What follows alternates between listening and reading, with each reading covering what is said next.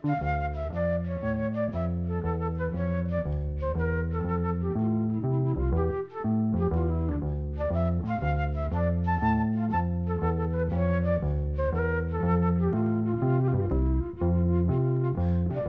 sæl. Að þessu sinni verða engungu leikin lög með ungri breskri tónlistakonu sem er hörkugóði gítarleikari, söngkona og lagasmýður.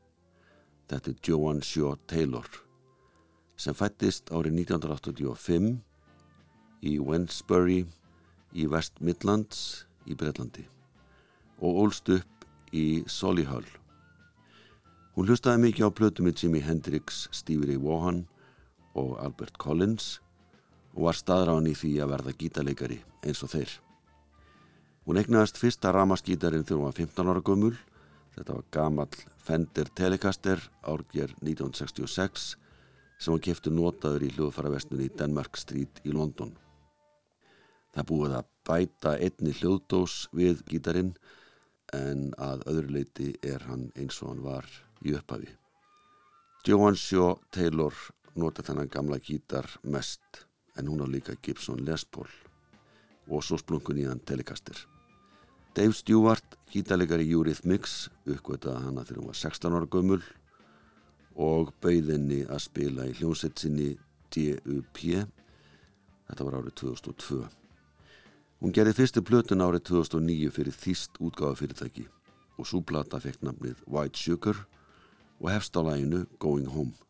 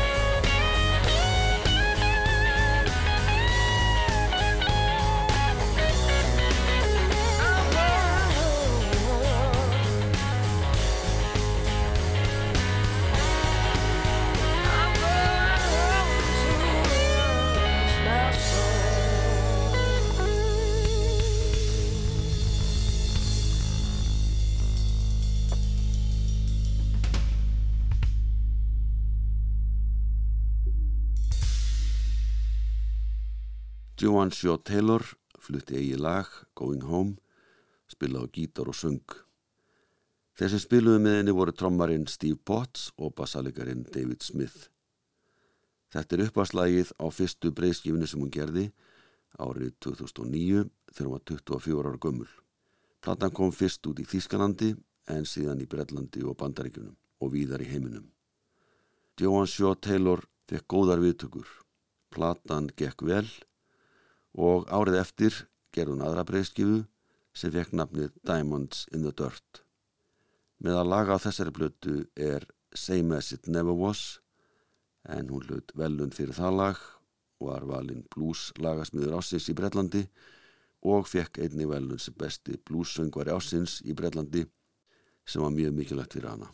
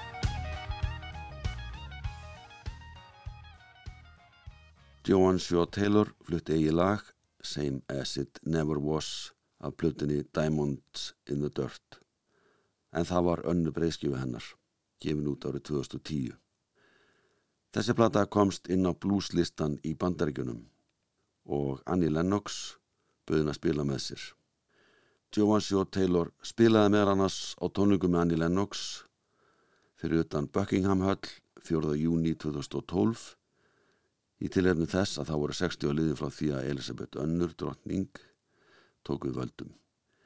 Þegar tónleikarnir voru að hefjast bílaði Fuss-petallin sem Joan notaði vannalega og því var gítaljómurinn hennar, hreitni og einfaldari en hún hefði ætlað sér. Svo merkilega vildi til að Stevie Wonder fyldist með þessum tónleikum í sjómarbi og sendi Joan Taylor síðan þakkir fyrir að spila svona hreint og hófstilt á gítarin. Þetta sama ár gerðum þriðju stóru plötuna fyrir Rough Records sem fekk nafnið Almost Always Never.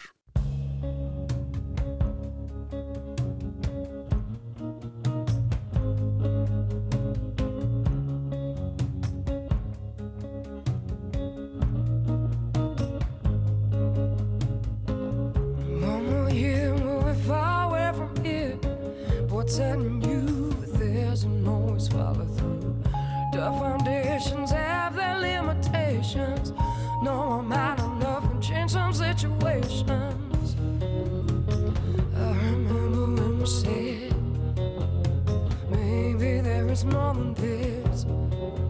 But looking back on 17,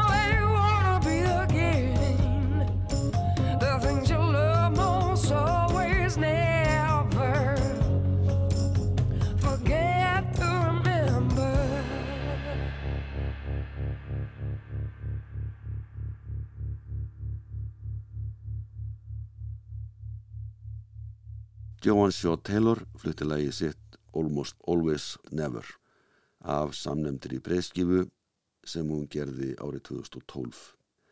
Þeir sem spiluði með henni á þessari plötu voru píjánuleikarin David Garza, bassaleikarin Billy White og trommarin J.J. Johnson.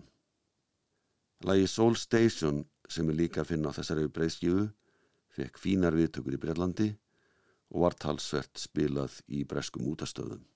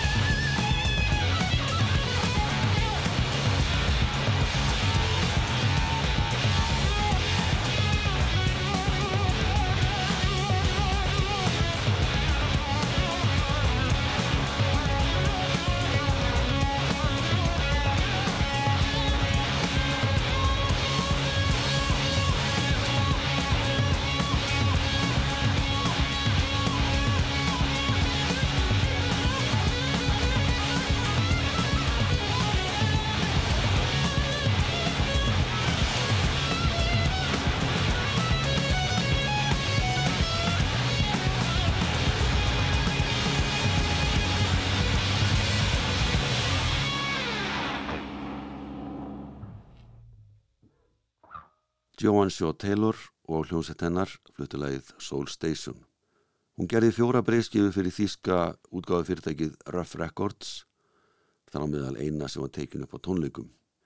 En árið 2014 gerði hún samning við Axe House Records og hljóriðaði plötu í Memphis í bandaríkjunum sem vekk nafnið The Dirty Truth. Tvö lög af þessari plötu fengu ágætis viðtökur þegar þau kom út á smáskifum.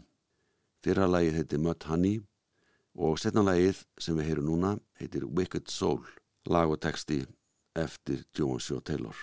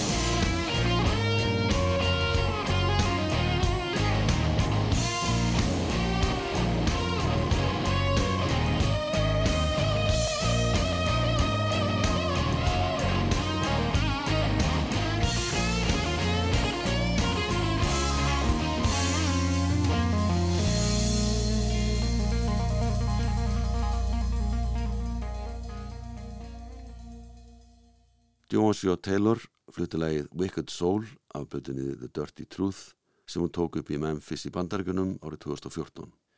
Það var hún sem spila á gítar og með henni voru bassalegarinn Joseph Velos, hljómbúrslegarinn Julian Grudgins og trommarinn Tony DiCello.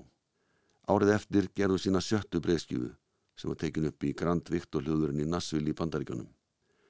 Þessi plata fekk nafnið Wild og vakti talsverða aðtekli. Breski þáttastjórnandinn Jules Holland bauð Joan að koma fram í þætti sínum Later with Jules Holland og þar flutt hún á samt hljónsett sinni lag sem heitir Dying to Know.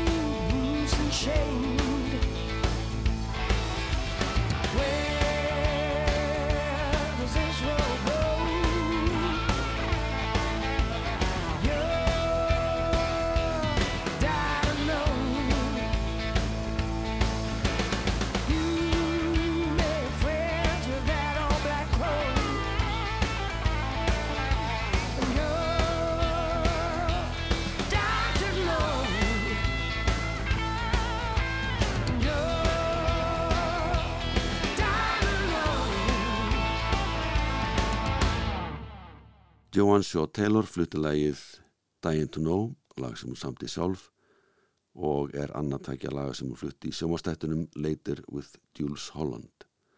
Þetta var þann 11. oktober 2016. Eins og gerðnan í þessum þáttum þá spilar hver og einn listamaður tvö lög og þessu sinni var það nákvæmlega þannig. Jules Holland vildi hýra Joan Shaw Taylor flytja lagið Summertime eftir George Gershwin en hún hafði einmitt hljóðrita það lag nokkru fyrr og gefið út af plötunni Wild sem lokalag plötunar. Þar fyrir hún svipaða leið og Janis Joplin og hljóðsettinn Big Brother and the Holding Company gerðu þegar þau gáðu lagið út af plötunni Cheap Thrills árið 1968 en þessi hljóðriti sem við heyrum er frá árinu 2016.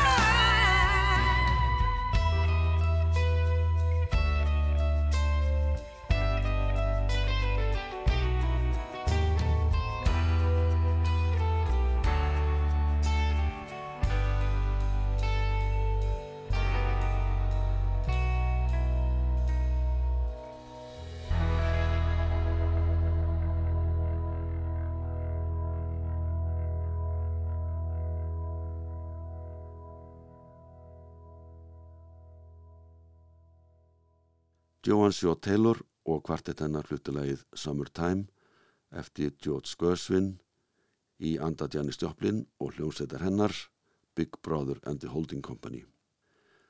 Árið 2019 gerði Joan Shaw Taylor samning við Silvertone útgáfuna sem er eittir að fyrirtækja sem er undir hatti Sony útgáfurissans. Hún gerði plötuna Reckless Heart það ár en tveimur árum setna gerðum plötu sem að nefnist einfallega The Blues Album þar sem hún flutti 11 blueslög eftir aðra höfunda. Þar með talið eftir Peter Green, Albert King, Otis Russ og nokkra fleiri. Þessa plötu var hún í saminu við Joe Bonan Mossa og fyrirtæki hans Keeping the Blues Alive Records. Þau gerði einni plötuna Nobody's Fool sem var gefin út árið 2022 og við ljúkum þættinum og umfjöllunum bluesleikaran, söngkonuna og lagasmiðin Joan Shaw Taylor á læginu Won't Be Fooled Again frá árinu 2022. Takk fyrir að hlusta, verðið sæl.